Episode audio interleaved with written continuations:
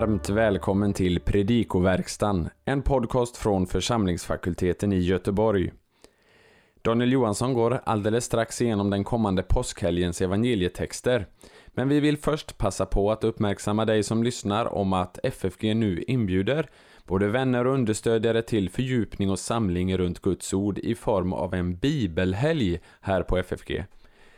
Denna helgen, denna bibelhelgen, den går av stapeln fredagen den 29 april och lördagen den 30 april. Ämnet är Hebreerbrevet och det är Daniel Johansson och Torbjörn Johansson som undervisar oss under denna helg. Anmäl dig gärna till vår infoadress info ffg.se senast den 20 april om du också vill vara med och dela gemenskapen. Men nu en genomgång av kommande påskhelgs evangelietext. Vi önskar dig som vi brukar en god lyssning. Andra årgångens evangelium för annandag påsk kommer från Lukas 24, 36-49. Vi börjar med att gå igenom några svårigheter när man översätter texten och vi börjar i den första versen, vers 36. Tauta de auton lalonton är en genitivus absolutus med participet i presens. Men när de talade om detta. De avser Emmaus vandrarna, de elva apostlarna och de övriga lärjungarna som omnämns i vers 33. I vers 37 finner vi satsen Toethentes de kai em phoboigenomenoi edokon pneumatheorein. Den kan man förstå på två sätt. Först så att lärjungarna tror sig se ett spöke, vilket leder till fruktan. Tar man det på detta sätt så skulle det vara det enda exemplet i Lukas skrifter där den konstruktion som beskriver resultatet står efter huvudverbet som beskriver händelsen. Den andra möjligheten är att de blir rädda och därför tror sig se ett spöke.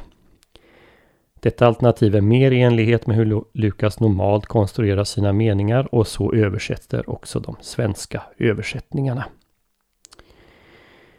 I vers 39 står det Ego eimi autos. Jag är han. Det vill säga, det är jag själv. Det här uttrycks på lite olika sätt i de svenska översättningarna. Eh, vers 40 är den sjätte av de så kallade västliga icke-interpolationerna i slutet av Lukas evangeliet. Det här innebär att den här versen som helhet saknas i Codex Besai och de tidiga latinska översättningarna. Men i övrigt så är de mycket väl belagda i de tidiga handskrifterna. I vers 41 stöter vi åter på en genitivus absolutus etide apistonton auton apotes charas kai thaumatsonton. Men när de fortfarande inte trodde på grund av glädje och var förundrade sa han till dem och så vidare. Här får vi nog säga att Folkbibeln 98 översätter bättre än Bibel 2000 och Folkbibeln 2015 eftersom man i den översättningen får fram att icke-tron som beror på glädjen står parallellt med förundran. En liknande parallell mellan otro och förundran eh, finns det tidigare i samma kapitel, nämligen i verserna 11 till 12.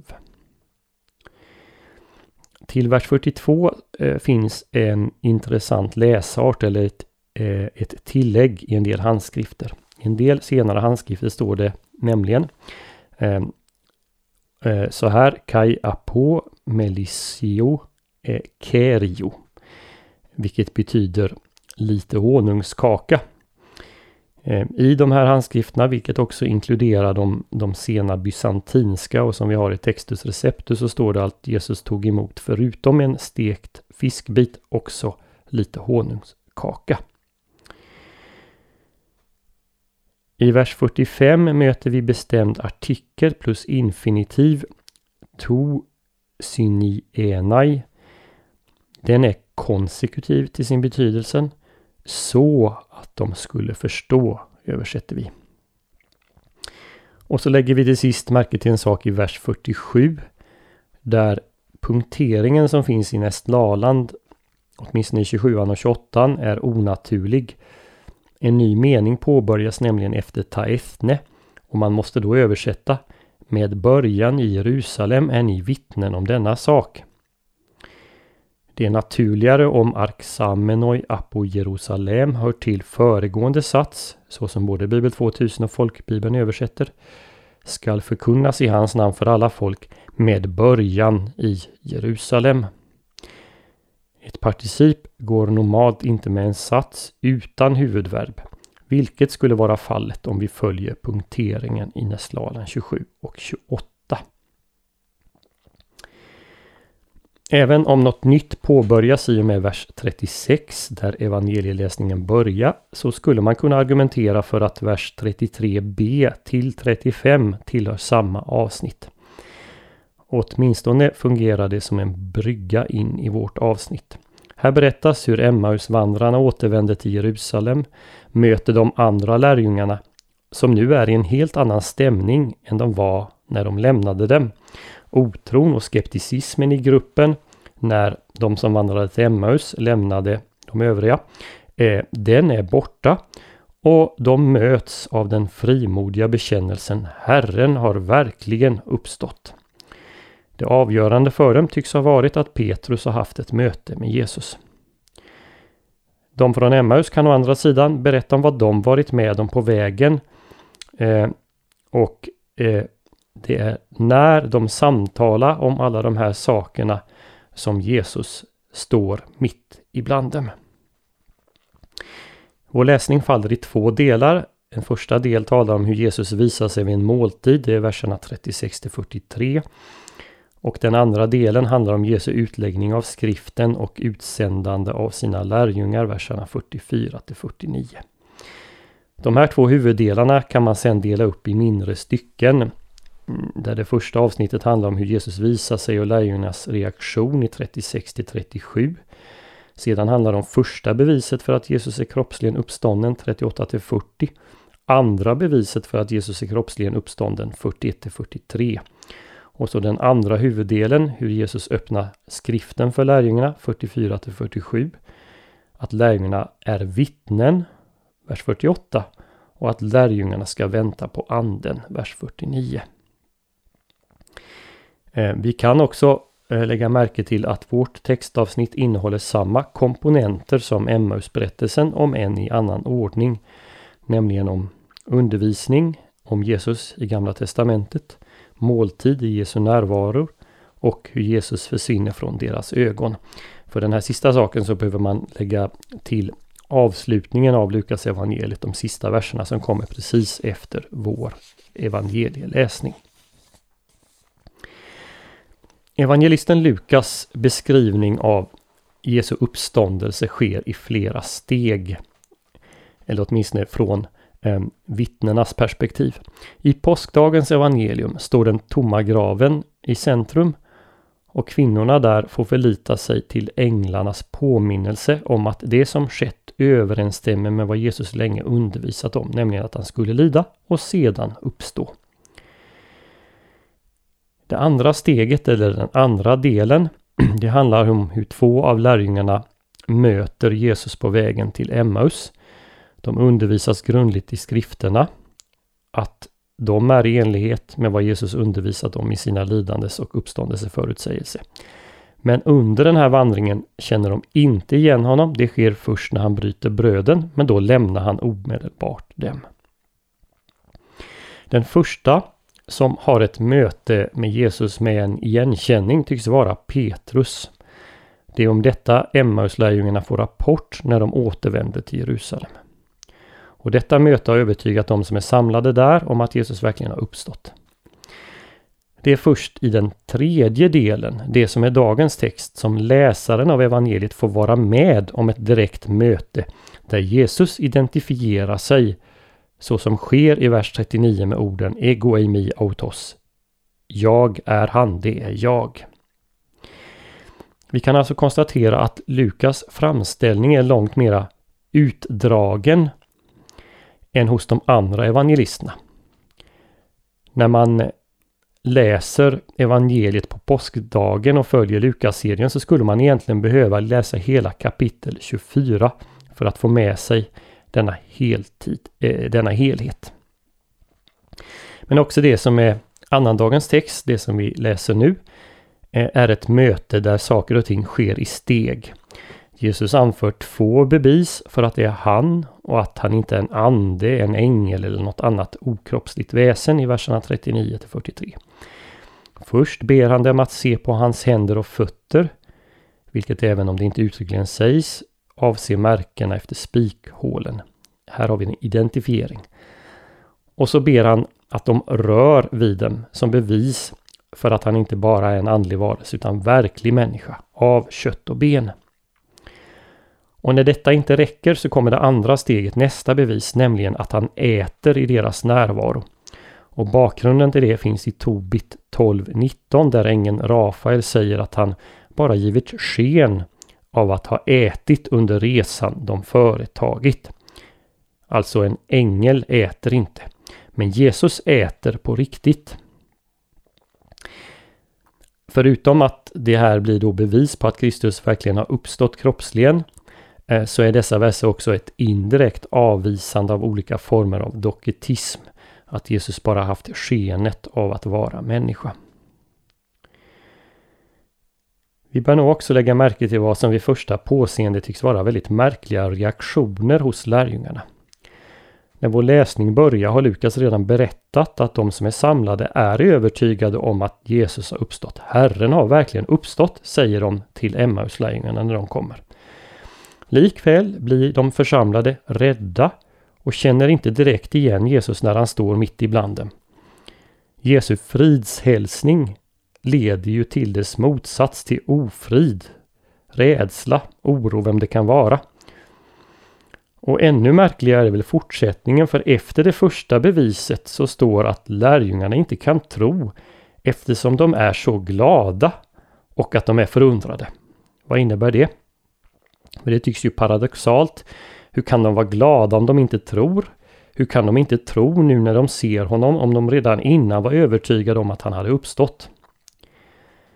Här har det anförts olika förklaringar.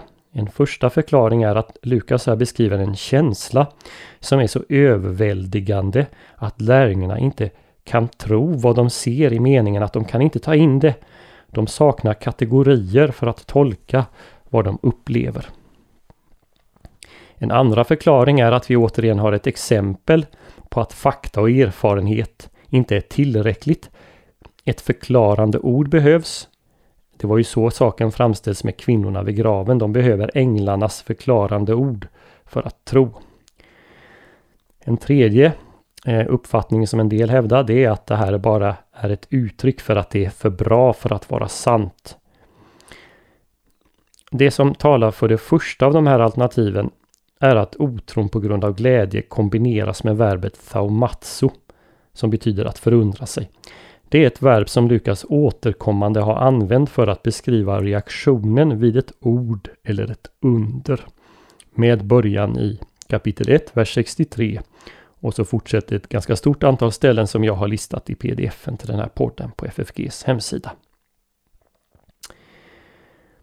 Efter den tidsangivelse vi får i Lukas 24.33 eh, så ges det ingen mer tidsangivelse i Lukas evangeliet. Man kan faktiskt få intrycket att resten utspelar sig under en och samma dag.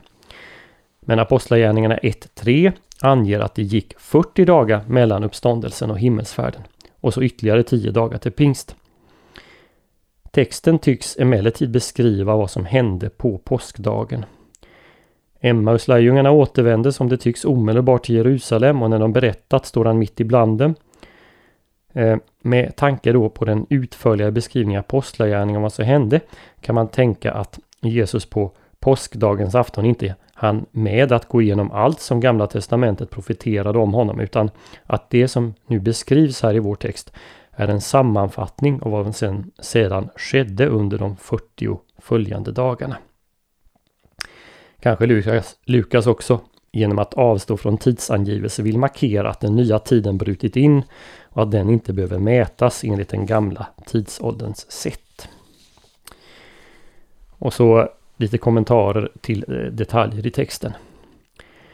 Hälsningen frid till er i vers 36 knyter ihop teman i Lukas som börjar redan på julnatten. Ära åt Gud i höjden och frid på jorden. När Jesus förlåtit 750 eller helat folk 848 hade han låtit dem gå i frid. Men hans framträdande har också lett till splittring. Han hade inte kommit för en universell frid på jorden enligt 1251.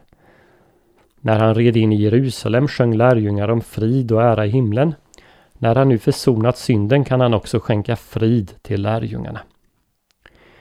Sakarias hade sjungit om att Johannes döparen skulle styra våra fötter in på fridens väg och Simeon kunde när han sett Jesus gå hädan i frid.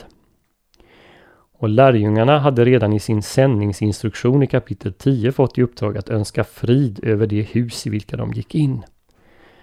Jesus kommer nu in i ett hus, önskar frid och erbjuder måltidsgemenskap. Han är mottagen och friden ska stanna kvar. Den gamle Simeon hade i början av evangeliet profeterat att Marias son skulle uppenbara de mångas tankar.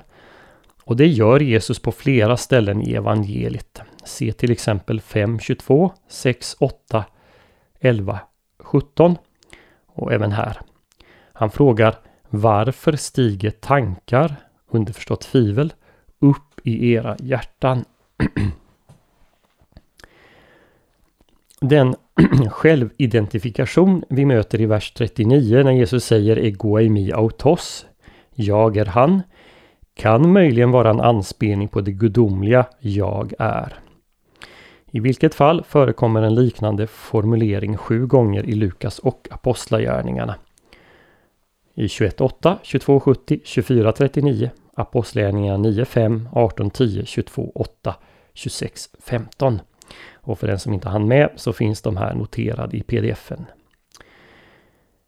Dessa orden som jag talade med ännu eh, var hos er i vers 44 eh, syftar naturligtvis tillbaka på Jesu lidande uppståndelse förutsägelse med början ifrån 9.22. Med formuleringen Moses, profeterna och salmerna avses sannolikt Tanak, skriftens tre delar, Torah, lagen, Neviim, profeterna och Ketuvim, skrifterna, salmerna, som inleder denna del. Denna uppdelning av de heliga skrifterna finns åtminstone så tidigt som i Syraks bok. Vad eh, formuleringen som Jesus då använder betyder det är att hela skriften lär detta. Precis som är fallet med Emmausvandringen så hade man ju önskat att Lukas gärna delat med sig av vad Jesus sade här. Men vi hänvisas även i detta fall till Lukas andra skrift. När de som lyssnar till Petrus och de andra apostlarnas undervisning i apostlagärningarna hör de Jesus själv i enlighet med hans löfte i Lukas 10.16. Det är alltså Lukas hint till oss att deras utläggning av skriften är Jesu egen utläggning som de lärt av honom. För att ta ett exempel i Petrus tal på pingstdagen i Apostlagärningarna 22 grundas uppståndelsen på Saltaren 16.10 och 110.1. I verserna 46 och 47 möter vi tre infinitiv som uttrycker vad som står skrivet i hela skriften, nämligen att lida, att uppstå, att förkunna omvändelse och syndernas förlåtelse. Notera vidare att den förkunnelsen ska ske i Jesu namn. Och här finns det en exakt parallell i Apostlagärningarna 5.30-32. Vi ska också minnas att temat omvändelse och tro på syndernas förlåtelse är något som genomsyrar både Lukas och Apostlagärningarna. Med början i Lukas 3.3 och man kan till exempel jämföra med vad som står skrivet i Apostlagärningarna 26, 18-20. Eh, vi noterar också hur Jesus här eh, ger lärjungarna uppdraget att framträda som de ögonvittnen de är. Hymeis martyres toton. Ni är vittnen om detta. Och jämför med det kriterium som sen ställs upp till en ersättare eh, till Judas. Eh, det här är beskrivet i Apostlagärningarna 1.21 och framåt. Den sista saken vi noterar den finner vi i vers 49 och det är dess trinitariska karaktär. Jesus säger att han ska sända det Fadern lovat, det vill säga Anden. Det är en hänvisning fram till Apostlagärningarna 2 men också en uppfyllelse av Johannes döparens profetia i Lukas 3.16. Den här versen bildar med andra ord en stor inklusio i hela Lukas evangeliet tillbaka till Jesu dop. Det vill säga den omfamnar Jesu hela offentliga framträdande. Detta är ett av många sätt på vilket Lukas här i slutet av evangelium, eh, evangeliet anknyter dels till tidigare teman i evangeliet och dels blickar framåt till det som ska komma i hans andra skrift.